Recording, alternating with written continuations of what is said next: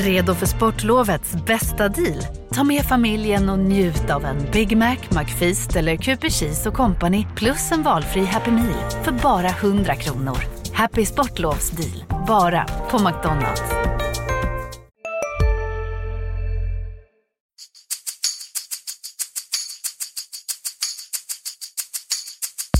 Varit mycket, eh, mycket snack om det här inhoppet. Det är svårt att förbereda sig. Va? Så att, eh, det, är mycket känslor som fäller över.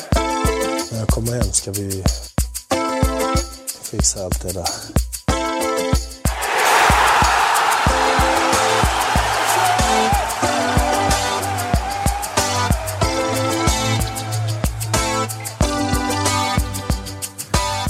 Välkomna tillbaka till MFF-podden. Det här är avsnitt 143. Jag heter Fredrik Hedenskog och jag har sällskap av Max Wiman och Fredrik Lindstrand. Hur står det till?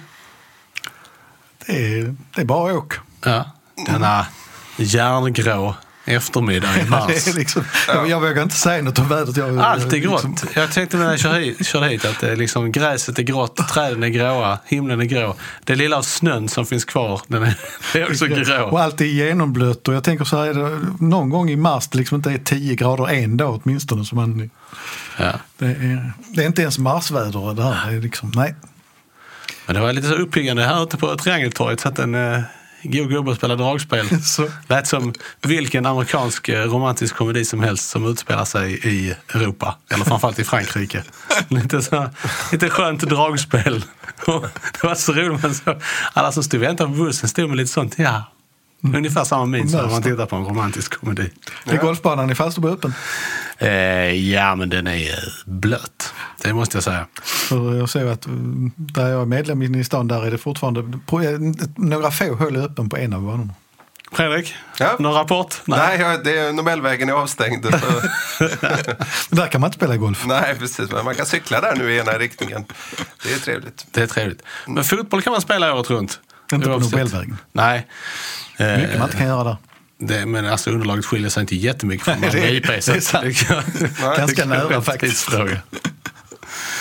Ehm, men eh, eh, idag ska vi ju prata om eh, cupkvartsfinalen mot Göteborg och eh, den förestående cupsemifinalen mot Östersund. Ja, och vi kan väl börja då med att varna känsliga lyssnare för att eh, den här podden kommer innehålla namnet Östersund. Flera Frekvent. gånger förmodligen. Ja, vi kommer till och med prata med enskilda spelare tror jag. Eller nämna dem vid namn i alla fall. Ja, ja det, det, det är ett måste. Det är ett smutsigt jobb, men någon måste göra det. Eh, Men vi börjar eh, närmast hemmafronten. Eh, Vi pratade ju inför eh, Göteborgsmatchen tog vi upp en del eh, positiva punkter. En av dem, vi kan återkomma till de andra, men en av dem var ju att det inte har varit så mycket skador. Eh, Så ska man inte göra. det är ju dumt. Eh, För sedan dess så har det ju då uppstått, uppstår ju tre skador i alla fall i, i Göteborgsmatchen. Så jag tänker att vi egentligen ska börja här med att prata igenom det vi vet om skadeläget. Ehm, Och eh, jag vet inte riktigt vilken eh, ordning vi ska ta det. Vi kan ju börja exempelvis med Oskar Lewicki. Kanske svåraste, svåraste att säga någonting om. Ja, det är totalt mörkerläge där kring honom just nu. Nej, men man- vet ju att han har gått igenom en magnetundersökning eh, som inte visade att det är någonting som är sönder. Men du kan ju ändå ha då någonting som liknar kramptendenser i ljumskar. Det, det är också sånt som kan bli förvärras. Alltså, du kan inte spela om du har ont helt enkelt. Så att eh, jag vet inte. Min, min känsla är spontant är att det känns alldeles för nära till eh, lördag för att han ska spela. Mm.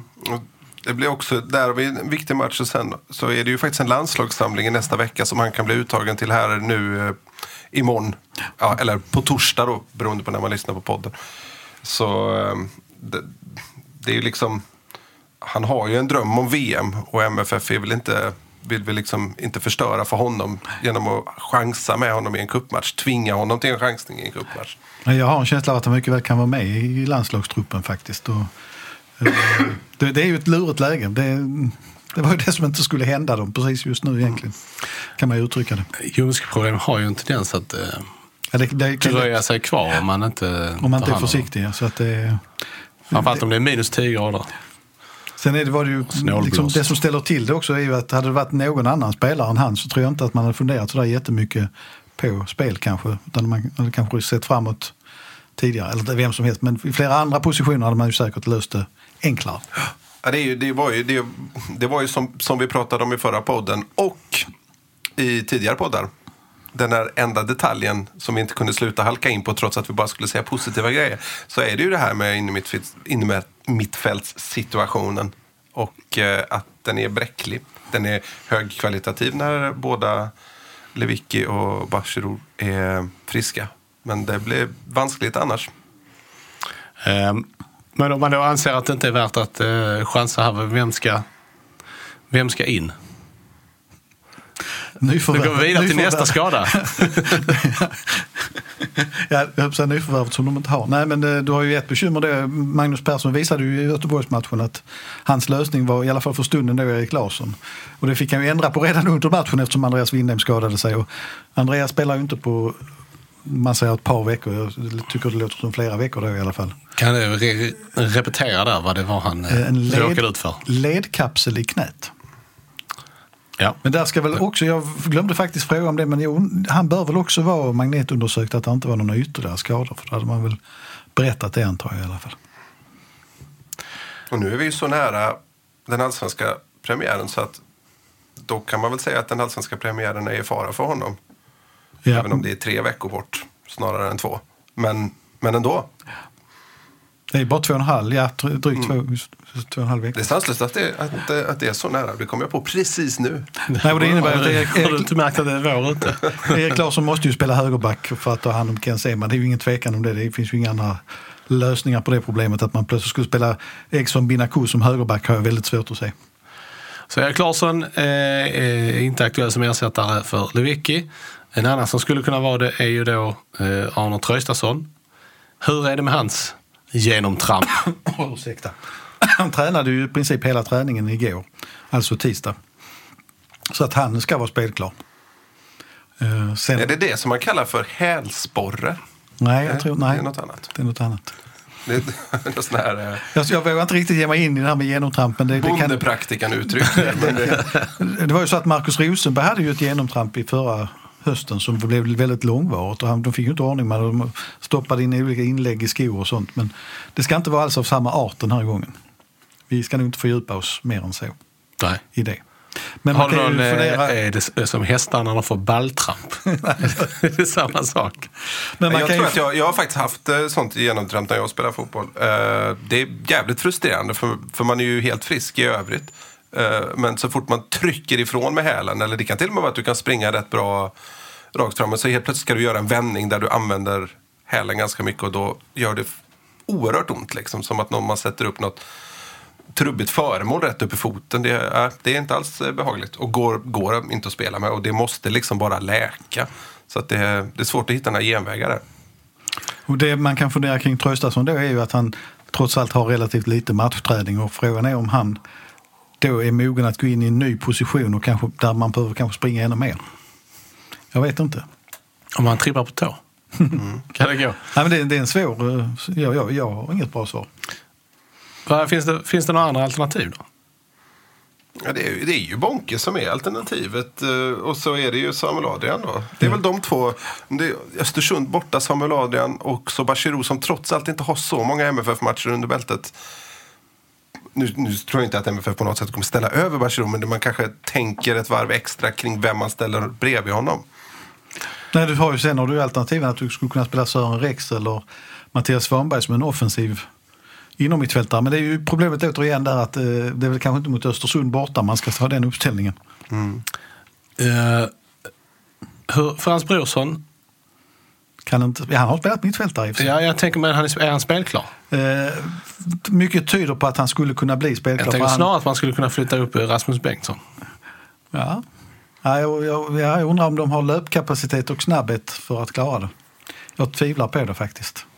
Jag har försökt tänka i de banorna också. Men, alltså, Brorsson tränade inte fullt men han var ute på planen i tisdags. Jag, jag tror inte att han är... Det är tveksamt om han är aktuell kanske ens. Möjligtvis att sitta på bänken. Men, eh, nej. Det blir ingen... Det blir Sen, senaste. MFF gjorde ett sånt test var väl i just Svenska Cupen när Åge Hareide flyttade upp Erik Johansson. Han hade väl någon omskolningstanke med honom tror jag i början av 2014. Det föll inte så väl ut. Den gången det föll väl ut det var ju när Marcus Hallsty flyttade upp. Han Det var ju bara för att det hade gått så oerhört dåligt på den gamla platsen. Men, nej, men det, det är jätteknepigt. Jag, som sagt, jag, jag, jag, skulle jag välja en, en spelare rakt upp och ner så tror jag att Traustason ändå skulle vara det bästa alternativet. Jag tror att, ja, jag tror att eh, Magnus Persson väljer Bonke faktiskt. Just på grund av att de, de satsar på hans bollvinnaregenskaper bara. De vill bara ha någon som ta död på motstånd. Det, det, han, det kommer vara hans uppgift. Och det var ju också den han hade i Norge, vad jag har kunnat läsa mig till. För jag ska erkänna att jag inte sett den här Lilleström-matchen. Eh, det här, just vinn bollen och gör det av med den fort till någon som står i närheten. Ja, det kan, du kan ha rätt, det, det kan vara alternativet. Och det som jag kan, man kan känna att möjligtvis skulle tala emot det, det är ju att med, med allt som har hänt runt Bonke och alla resonemang runt honom så skulle ju pressen bli rätt tuff. Och frågan är om han står pall, för han är ju inte gammal killen heller, det ska man inte glömma. Det är, eh, han är väl bara 21-22 år gammal. Nej, det, är- det är lurigt. Och det är, samtidigt så skulle det falla väl ut så kan ju Bonke lyfta det lyfta? jättemycket av Ja. ett självförtroende. Men det är också, någonstans är det ju en cupsemifinal och, och MFF har ju satt en jäkla press på sig själv genom att gå ut inför säsongen och, och mer eller mindre lova att man ska vinna cupen. Vilket, ja, vilket jag kan tycka är lite märkligt egentligen. Men det, om man tittar på han, alltså, eh, Bonke Innocents, eh, vad ska man säga, eh, ins, alltså inte insatser så, utan eh, det han har att vinna respektive att förlora i en sån här match. Så känns det ändå som att han, han personligen har väldigt mycket att vinna. Jo, och det, jag tycker man har sett det på de träningarna, eller i alla fall träningen igår, att han var väldigt aktiv och så att eh, han ser ju säkert en möjlighet. Så det vore ju konstigt annars.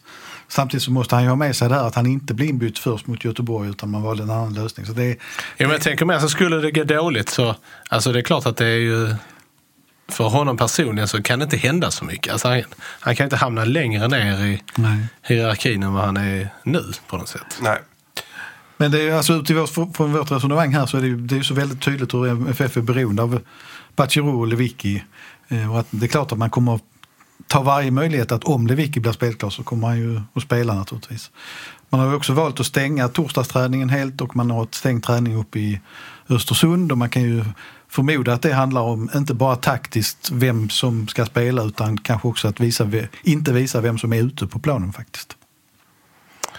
Eh, det här, eh, det här med att spela enkelt det fick mig att tänka på mina ungdomsår. Vi hade en högerback som alltid fick instruktioner liksom före i matchgenomgången att spela på ett tillslag som vanligt. Det var alltså minimal bollbehandling i alla lägen. Kanske får dem. Nej, men det, det är väl, jag antar väl att det är sånt de ska gnugga på de här stängda träningarna. Även om jag kan tycka att det är överdrivet eh, försiktighetstänk. Och jag tror fortfarande inte att ett svenskt lag i den inhemska fotbollen någonsin har förlorat en match på grund av att de inte stängde träningen dagen innan. Eh, Men ja, vi får väl se. Men två dagar innan. Ja, precis. Jag är två dagar innan. Jag ska säga att- ja, det är kanske det som är... Östersund gör samma sak. De stänger också träningar torsdag fredag faktiskt. Vilket, är- jag vet inte hur ofta de gör det men de, de, eh, tydligen så är det så att de gör det. Denna gången i alla fall. Ja. Men det är, för man kan ju vända på steken. Jag kan ju tycka att det hade varit, eh, om nu Lewicki verkligen är borta så, så kanske det hade varit ett statement mot den spelaren som ska gå in och spela. Att tydligt visa att även utåt så att säga, det är du som tar rollen. Ja, precis. Det kan han nog, om det nu är då Bonke det skulle handla om så kan han ju växa rätt bra Ja. av det. Men eh, sen kan man ju också, det är ju lätt att spinna iväg i tankarna om varför man stänger träning. Det kanske är att MFF gör något, förändrar sitt system i grunden då och väljer att spela 4-3-3 eller, men det, det, det vore väldigt olikt. eh, Det, det tror jag, håller jag inte som speciellt sannolikt, men det är väl just den tanken kanske den typen av tankar man vill att motståndaren ska tänka. Även om jag tycker det är det att liksom nästan slå knut på sig själv i det, i det spelet. Det handlar ju trots allt om två lag som, vill, som inte vill fokusera allt för mycket på motståndaren utan verkligen koncentrera sig på sitt eget spel.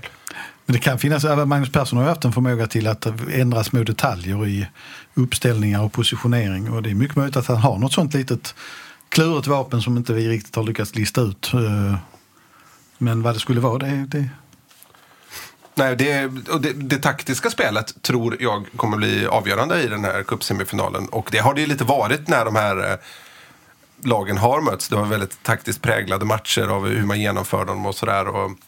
Magnus Persson är ju till exempel, var, var ju till exempel oerhört nöjd med hur MFF genomförde prestationen mot Östersund hemma förra säsongen.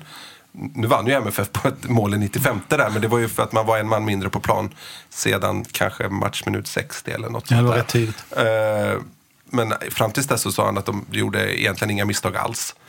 Eh, Jag tror att Ken Sema gjorde 1-1 i kanske 80 eller något sånt där. Och så avgjorde Rakip då på övertid. Eh, Och det har ju varit liksom matcherna lagen emellan har ju verkligen varit när den 2-2 fighten i höstas var ju fantastisk att titta på. Det svängde fram och tillbaka och ett tag hade MFF, MFF initiativet Östersund såg vilset ut och sen så ändrades det där fort och det var, ja, det är häftigt med två tänkande lag. Ja, och två tänkande tränare, för det, jag tycker det ger lite internationell touch. Det tyckte jag det gjorde redan i fjol. Det är lite mer än en vanlig match där man vet att hur alla uppträder. Precis. Ja, för mig är ju det här, för mig är det här den, den om, man nu kan säga så, för det är ju en kupp så det är det ju inte så, men ja, det, någonstans den moraliska finalen är det här tycker jag. Det är Sveriges mest framåtsträvande fotbollslag, skulle jag vilja säga. Eh, För tillfället i alla fall. Ja, då känns det också som att den på något sätt jag ser fram emot den väldigt mycket för att den kommer på något sätt att sätta tonen inför allsvenskan. Alltså att den kommer att ge en del svar på om det är så tajt mellan de här lagen som man kanske, alltså att just att systemen kan, kan skapa en väldigt eh, öppen och tät, öppen och tät match samtidigt. Men att, att, eh, att just få se i ett perspektiv var de står mot varandra. Precis. Ja, men det är mycket kan förändras. Om man, säger- om man, det, det kan ju bli en match som går till straffar. Då går det inte att säga så mycket om, Nej. om styrkeförhållandet mellan lagen. Men ponera att Östersund vinner med 3-0. Det blir en rejäl tankeställare för, för MFF när man går in i säsongen. Oj, är vi, är, är vi inte bättre än så här? Eller har vi så här mycket kvar att jobba med? Och säga att MFF går upp och vinner med 3-0. Då kan ju luften gå ur Östersund helt. Där försvann Europachansen eh, den här säsongen och, och den har ju faktiskt gett laget väldigt mycket energi den senaste tiden. Dels när man värvat spelare och lyckats behålla spelare framförallt. Eh, säg, att, säg nu att man då missade Europa.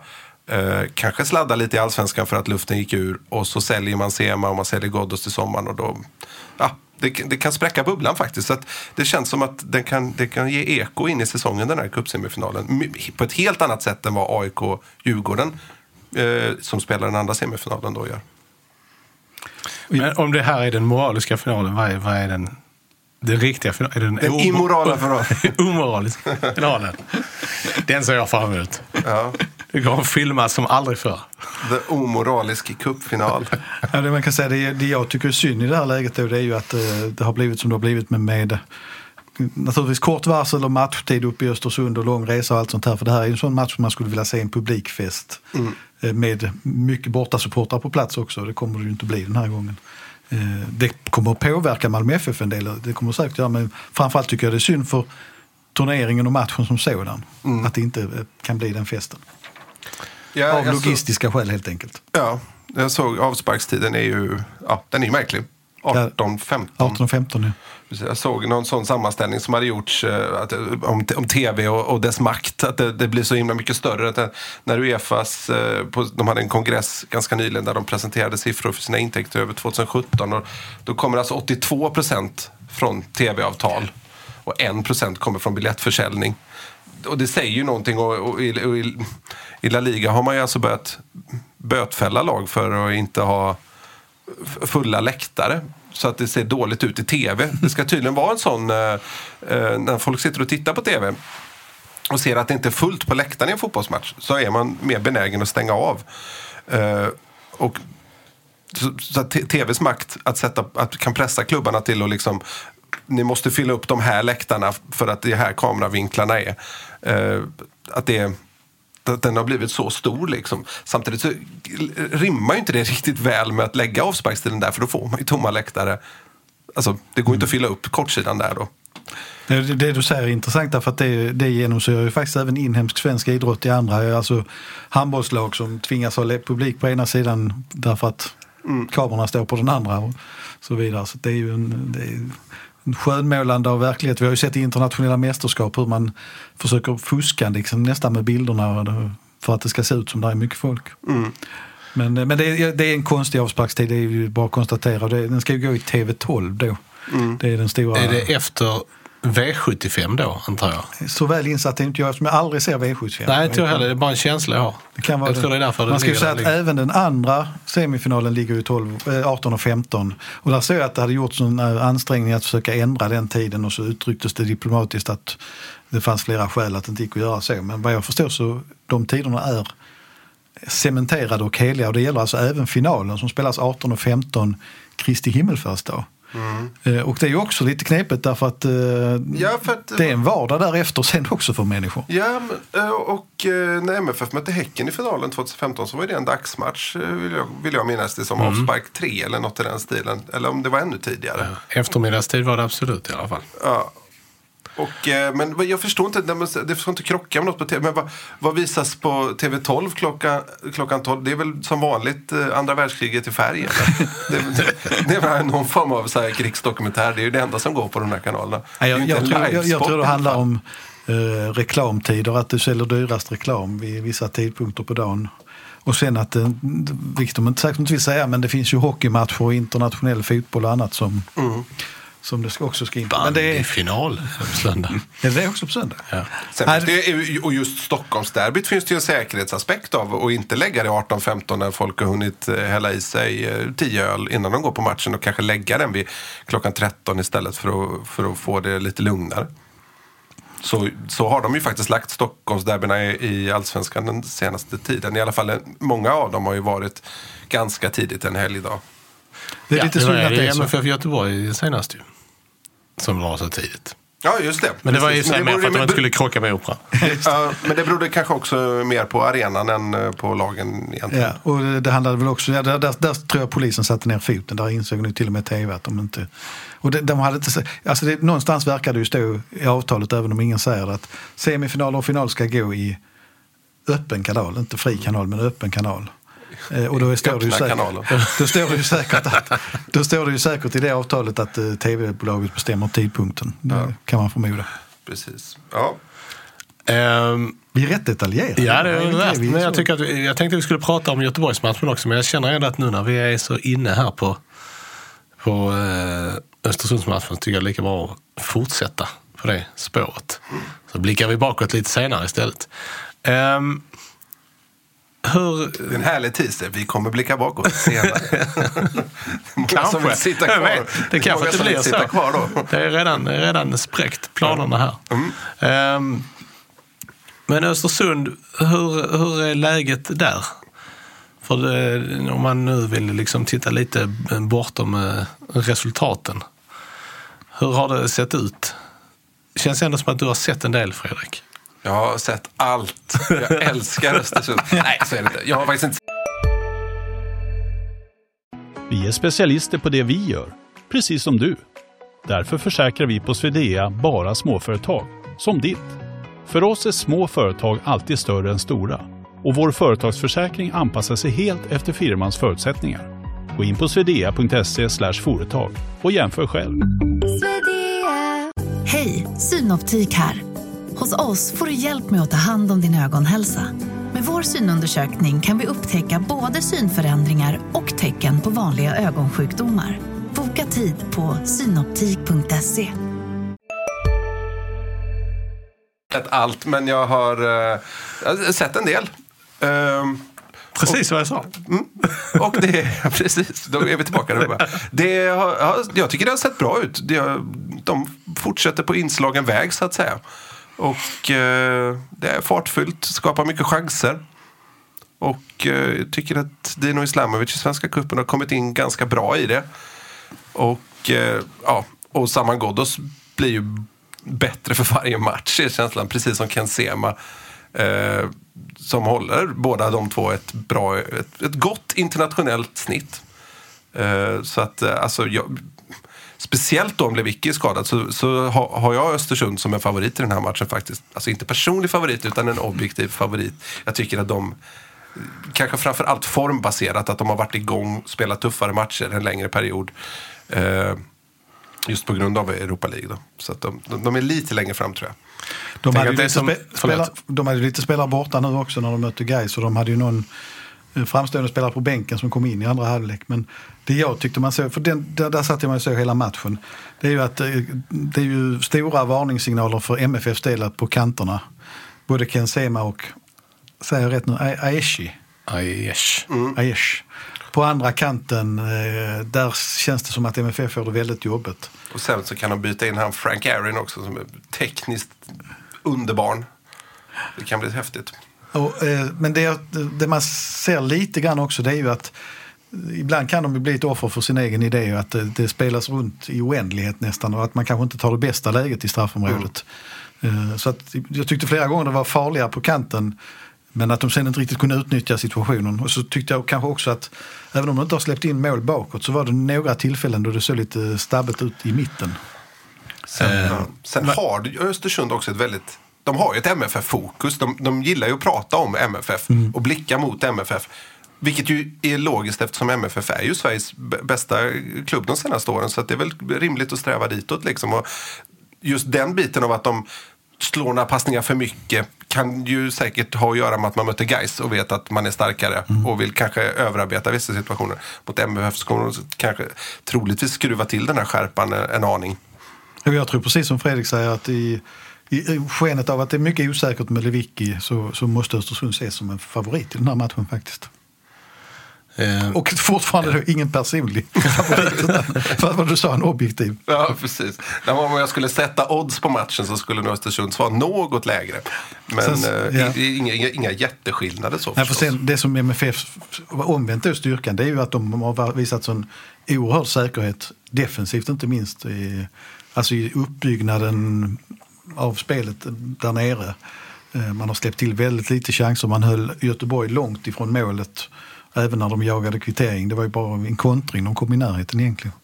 Så att eh, det kan ju bli en verklig holmgång. Men som jag tror jag sa redan förra gången att i ett möte mellan de här lagen så, så kan man ju räkna med att det kommer att bli mål. Det blir ju inte 1-0, det tror jag inte. Utan det blir snarare 3-2 till någon. Mm. Defensivt så är ju MFF, eh, då håller jag dem så starka, men framförallt en bättre målvakt tycker jag. Även om, eh, även om Östersund inte har släppt in något än, men de, Östersund har haft en lite lättare väg än MFF skulle jag vilja säga också. Eh, ja, men det känns, Keita känns inte riktigt... Nej, lite man kan lita på allt sådär. Men Det- Johan Dahlin har ju sett oerhört imponerande ut. Ja, Johan Dahlin, eh, han, han håller en, en väldigt hög nivå just nu känns det som. Har gjort hela vägen. Jag tror han mår bra av att Fredrik Andersson steppade upp lite i höstas. För det var liksom Ja. att han får vrida på ett snäpp till också. Och så det här med spelet eh, med fötterna också. Jag vet inte om ni såg, eh, det är klart ni såg, men eh, noterade en från första halvlek mot IFK Göteborg. Det kom alltså en stenhård passning från, från Windheim, va? har jag för mig det var. Ja, just det, det. Eh, I knähöjd. Så, där Windheim nästan var ute vid... vid Winham var över på fel kant. ja, precis. Så Och att han, slog, kunde inte, han kunde bara vända in i banan. Ja, precis. Och slog alltså ett inlägg från nästan kor, egen kortlinje inåt till Johan Dahlin som står en meter framför, framför uh, mållinjen. Och, och bara tar ner den på ett oerhört fint sätt och spelar vidare. Det där hade inte Johan Dahlin gjort första vändan i MFF. Nej, men då, då, man, ska ju, man måste ju berömma Johnny Feld också som jag tror har utvecklats rätt mycket som målvaktstränare också. Verkligen driver på. Han driver inte bara på målvakten, han driver på alla. Eh, Det var någon av de yngre som åkte på en utskällning igår. Eh, Men han, han, han har ju utvecklat spelet till just som målvakterna har pratat mycket om att de inte ska behöva röra sig så mycket. De ska, det ska inte vara flax utan de ska vara på rätt ställe. Och det är kanske lite grann därför vi noterar Eh, jag tänkte på det även mot Göteborg, att eh, de sköt rakt på Dahlin. Det, det är ju inte bara så att det är en slump, för det beror ju på var han placerar sig också. Mm, så är det förstås.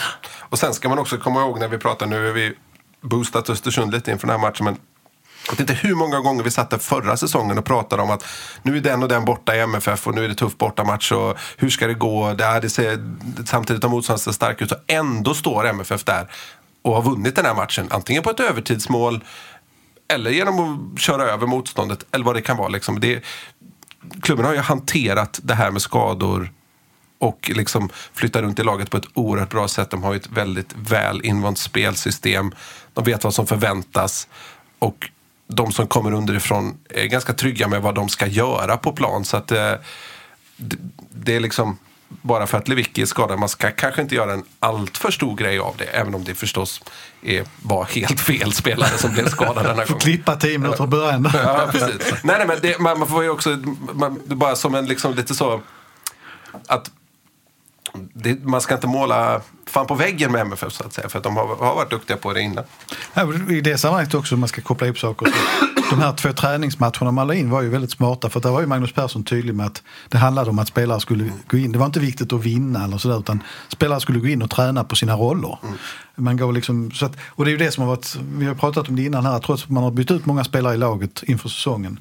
Så ser det likadant ut som i fjol, men med lite finjusteringar då.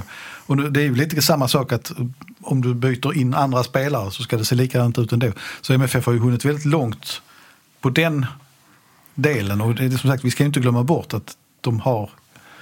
Om man tittar nu på Göteborg, om vi blickar lite tillbaka där mitt i alltihopa. Så I fjol så blev det väl oavgjort i båda allsvenska mötena. Och det, det, ofta är det kamp och det är jämnt och sådär. Ska vi vara ärliga så Tobias Hysén hade ett friläge men MFF var ju helt överlägset i den här cupmatchen. Ja, och de har ju nu med, eh, i de matcherna de har spelat med A-uppställning, åtta raka segrar. Ja. Eh, och det i sig är ju väldigt imponerande, även om det inte har varit eh, klang och jubel varje gång. jag vet faktiskt knappt eh, när det har hänt. För de har haft någon längre svit men knappast så lång. Nej, och de har det känns också ganska länge sedan som de var eh, svenska mästare i försäsongsspel. Ehm, så det är ju något, något nytt lite grann, känns det som. Eh, därför, eh, vad gäller formen så får man ju också eh, där säga att eh, Östersund ser ut att ligga ligga väl framme där också. Det är inte så konstigt med tanke på, på att de hade Europaspelet också, men, men det som man också kanske ganska objektivt ska, kan påstå är att, att det sättet som de hanterade förlusten mot Arsenal var ganska imponerande. Med den totala överhalning som, som de råkade ut för i första halvlek där. Att de sen lyckades eh, vinna i London även om Arsenal inte behövde anstränga sig sådär jättemycket för att... eh, Även, men det är klart, alltså det var ju, de hade ju 2-0 och... Ja, då var och det lite där. Och Verkligen. däremellan också stöka undan en eh, snöig bortamatch mot Åtvidaberg i Svenska cupens första omgång utan att liksom gå på någon mina.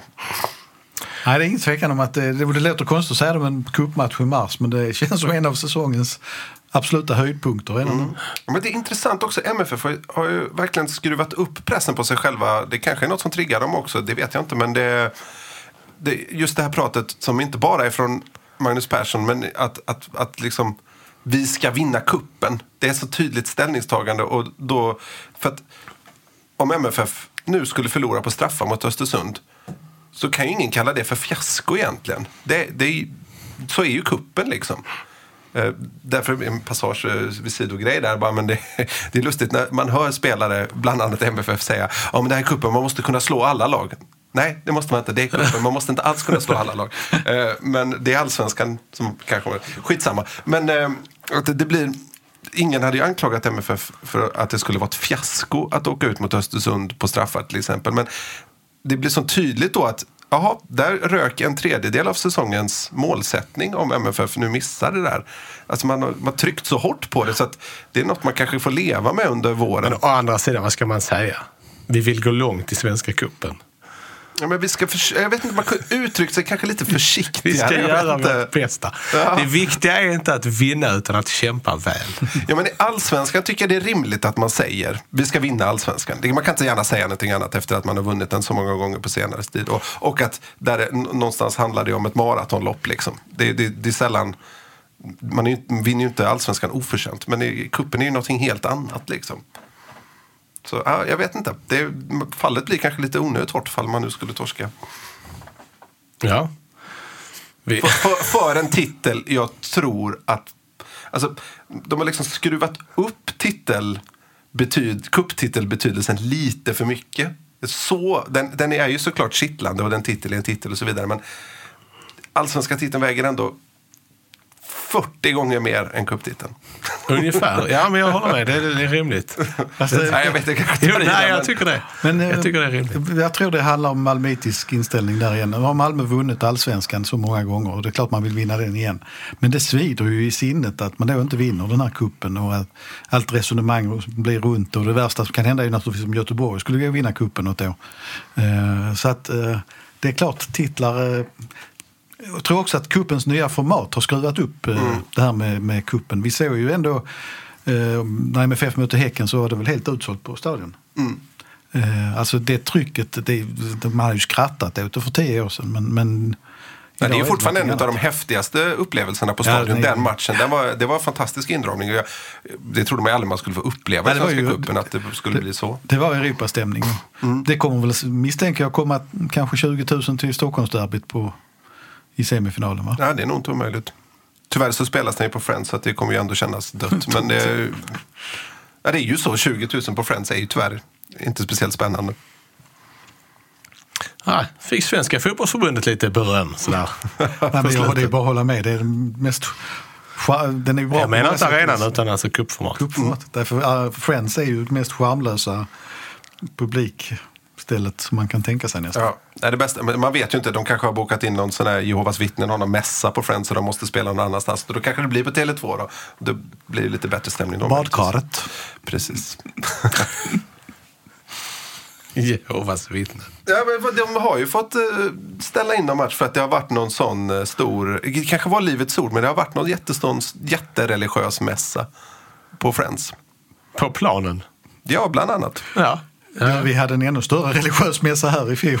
Eller förfjol. Ja, men det var ju internationellt toppklass ju. Påven själv var ju Ja, ja. Ja. Men han sålde ju inte ut eh, stadion. Nej, de fick väl inte ta in så mycket va? Eller Nej, det det? kanske var... Jag, vet, jag, jag minns inte riktigt. Men han hade ju varit någon annanstans innan där också. Så att det var... nu är vi ute på djupt vatten. Apropå påven så tänkte jag På. Eh, Du du, går på vatten. apropå påven så tänkte jag på änglarna. Har vi pratat färdigt om dem? Nej, vi har inte ens börjat prata om Men jag dem. började lite innan. Ja. Ska vi gå över på dem nu? Ja, men det var väl väldigt mycket som såg bra ut för Malmö FF i den matchen. En ny magnifik insats av eh, mittbackskonstellation med Rasmus Bengtsson ännu en gång som, alltså att, just att han inte syns på något märkligt sätt gör det väldigt, väldigt bra. Och sen då att eh, Lasse Nilsson, att de får till en hörna. Eh, han hade ju faktiskt ett läge till, men vi har sett flera gånger, det är ju ingen, det är inte en supervälplacerad nick. Men nu tittar på den gamla målvakten, den är så snabb så att det är svårt för målvakten att hinna ner. Ja, den så kallade dansk skalle. Dansk, Eh, dansk panna sa de på tv. Det lät.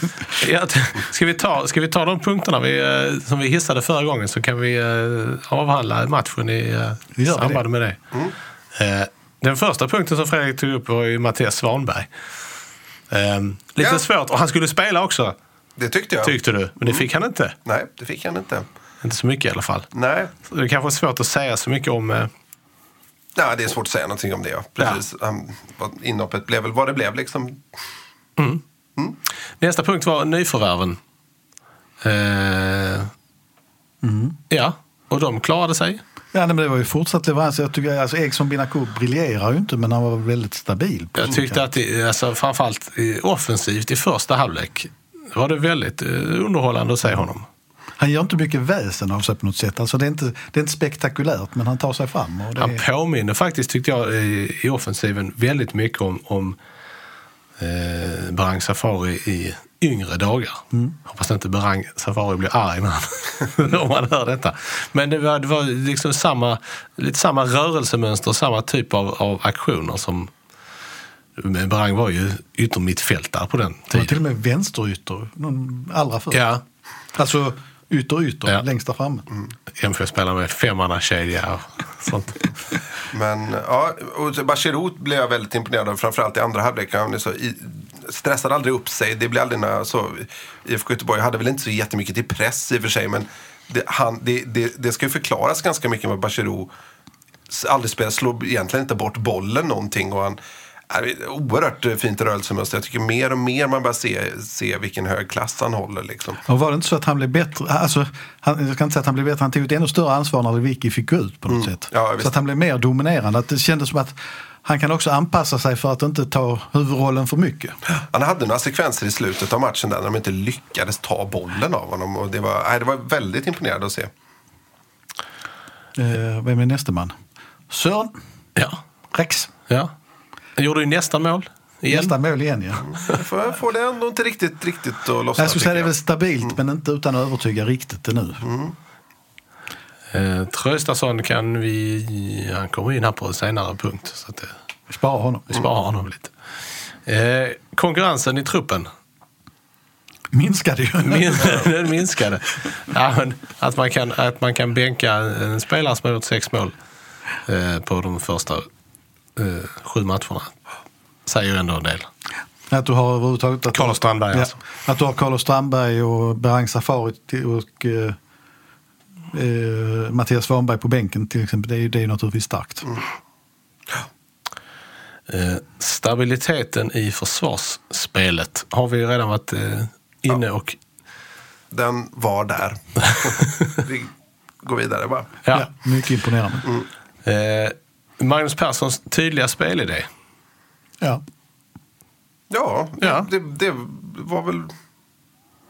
Det var väl den vi såg. Ja. Jo, fortsätter med det här att de ska bygga nerifrån till varje pris nästan och håller fast vid principerna väldigt väl.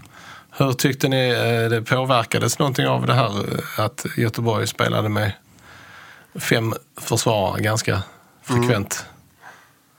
Hur löste MFF det? Ja, de kom väl till ganska mycket lägen va? Ja, men skapligt mycket lägen och IFK gjorde det svårt eh, för MFF. Precis som de har gjort, gjorde förra säsongen också. De tätar till det väldigt bra och är väldigt disciplinerade. Men det som MFF gjorde var bra att, var att man inte stressade upp sig över det. Och släppte inte till några kontringar för att man började sticka upp med alldeles för många man. Och liksom började rusa in med folk i straffområdet och, och tillåta IFK Göteborg att liksom, och, och kontra på det, för det var ju det man ville. Det var, var väl egentligen kanske två, tre tillfällen man gjorde det. Eh, och där den främsta då var Tobias Hyséns läge. Där, Och någon där avslutet blev väldigt märkligt från Ja. Men den kom ju också efter ett läge där man kanske kunde tycka att Svanberg skulle haft frispark. Eh, Det låg väl honom lite i fatet att han hade trillat lite enkelt ett par gånger innan. Jo, det börjar bli ett problem för honom faktiskt. Det inte- var inte bara i den matchen så att han får vara försiktig med det där att söka för mycket tror jag. Men någon kontring blir det ju nästan alltid i en match. Framförallt mot ett lag som ändå är Göteborg. Även om de inte är vad de har varit så är de väl ändå ett lag som man får räkna med att något. Men jag håller med om att Hyséns avslut var väldigt konstigt. Ja, det var, var som man tänkte något först och sen ändrade han sig i sista sekund och så blev det någonting mitt emellan där. Och så sköt han rakt på Dahlin. Typ. Fast Dahlin sträckte ut rätt bra. Han gjorde Ja, sig men det var, han behövde inte slänga sig. Nej, nej. Så att, eh, ja. Eh, Spelet med boll på egen planhalva, där har vi ju eh, har vi avhandlat eh, Dahlins eh, färdigheter och eh, Windheims eh, crosspass. Eh, anfallarnas målform. Nja. Den fortsatte ju inte i den matchen i alla fall. Nej, det gjorde inte. Men där Men det kan vi fanns, inte göra där fanns ju några lägen. eh, Jag tror inte att det finns någon anledning för dem att, att oroa sig över det. Och nu han ju aldrig Strandberg bli inbytt heller. Det var ju en lite märklig situation när han var nästan på, inne på planen och vände. Ja, han stod där och skämtade med fjärdedomaren. Han skulle byta in och så här, det där klassiska man ser. De utbyter några meningar och ler lite grann. Och sen så blev han... Han var inte nöjd med att han blev inropad igen. Det tyckte han, var, det tyckte han inte om. Samtidigt så såg han en bild på honom efter matchen när han stod och skrattade tillsammans med de andra. Och det tyder ju på någonstans att han är inrättad i ledet. Men det var lite jobbigt där vi satt på radio på lokal press och alla direkt rapporterade att Rosenberg hade gått av. För vi såg honom lämna kaptensbindeln och vi såg hur han fick stående ovationer och sen började vi skriva. Och sen så helt plötsligt, men där är ju Rosenberg. Ja. Det kanske är eh, som den spelaren som inte blir inbytt så är det väl kanske ändå det läget man kan acceptera det. När det Ja. uppstår en skada plötsligt. Det kan man ju nog. Det ska ju egentligen hedra, tycker jag, tränaren då igen, vilket vi ibland glömmer, att han fattar ett snabbt beslut. Det var ju det till exempel som Allan Kuhn inte gjorde när Oskar Lewicki, huvudpersonen även där, blev utvisad i cupfinalen mot Häcken. Eh, inläggsspelet och fasta situationer. Ehm, ja, Ja, det men var det som inläggsspelet var avgjorde. ju bra. Ja, alltså, Binakur hade ju några bra inlägg också. Eh, Men framförallt så Traustatssons hörnor är ju på något märkligt sätt väldigt vassa. Ganska höga men eh, Eh, Det känns som att de kommer dit de ska. Ehm, Men det känns ju, och det har vi pratat om innan, men det här, alltså, eftersom de har framförallt på fasta när de lyfter upp mittbacken, eftersom de har så många spelare som är så starka i luften, så, så är ju de höga bollarna en, en god God idé. idé. Jag tänker också att det blir mycket, det blir svårare för, eh, för motståndarlaget att, att sätta stopp med oschyssta medel. Eftersom det blir, mycket, det blir tydligare när situationen är, inte går lika fort på något sätt. Ja. Och sen avslutade vi med skadorna då. Eh, och där har vi ju redan varit lite grann och Det Ja, det en, pillat. inte valsa en gång till. Va? Jag, en jinx, det är riktigt. precis, precis. jag har dessutom en dagishämtning som stressar Som mig knackar, knackar dig på axeln. Nästa. Då avslutar vi detta med att eh, em, säga om eh, hur den här cupsemifinalen mellan Östersund och Malmö FF slutar. Nej. Någon vinner med 3-2. Ja, ja. Två, ett till Östersund. ja jag tror att det blir straffar, faktiskt. Och vem vinner då? Då vinner jag. Jag har, jag har absolut större förtroende för för, för, Dahlin än för Keita. Även om målvakter som är lite så oberäkneliga är så jobbiga när det är straffläggning. Så känns det ändå som att... eh, Så, men, och jag kanske tror att det är lite sådär med lite skador och mm, lite försiktigt. Jag tror det slutar 1-1. Hopp. Så är det med den saken. Spännande. Ja, då vet ni hur det inte kommer att gå. Eh, vi säger så för den här gången. Vi återkommer.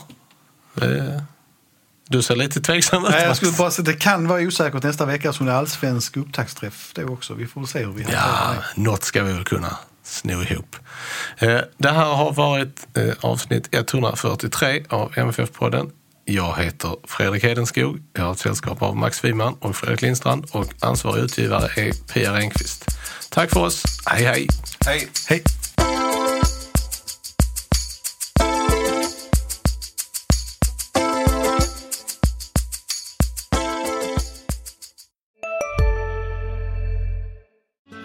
Susanne Axel här. När du gör som jag och listar dig på en av Krys vårdcentraler får du en fast läkarkontakt som kan din sjukdomshistoria. Du får träffa erfarna specialister, tillgång till lättakuten och så kan du chatta med vårdpersonalen. Så gör ditt viktigaste val idag, lista dig hos Kry. Ni är med om det största. Och det största är den minsta. Ni minns de första ögonblicken. Och den där blicken gör er starkare. Så starka att ni är ömtåliga. Men hittar trygghet i Sveriges populäraste barnförsäkring. Trygg Hansa. Trygghet för livet.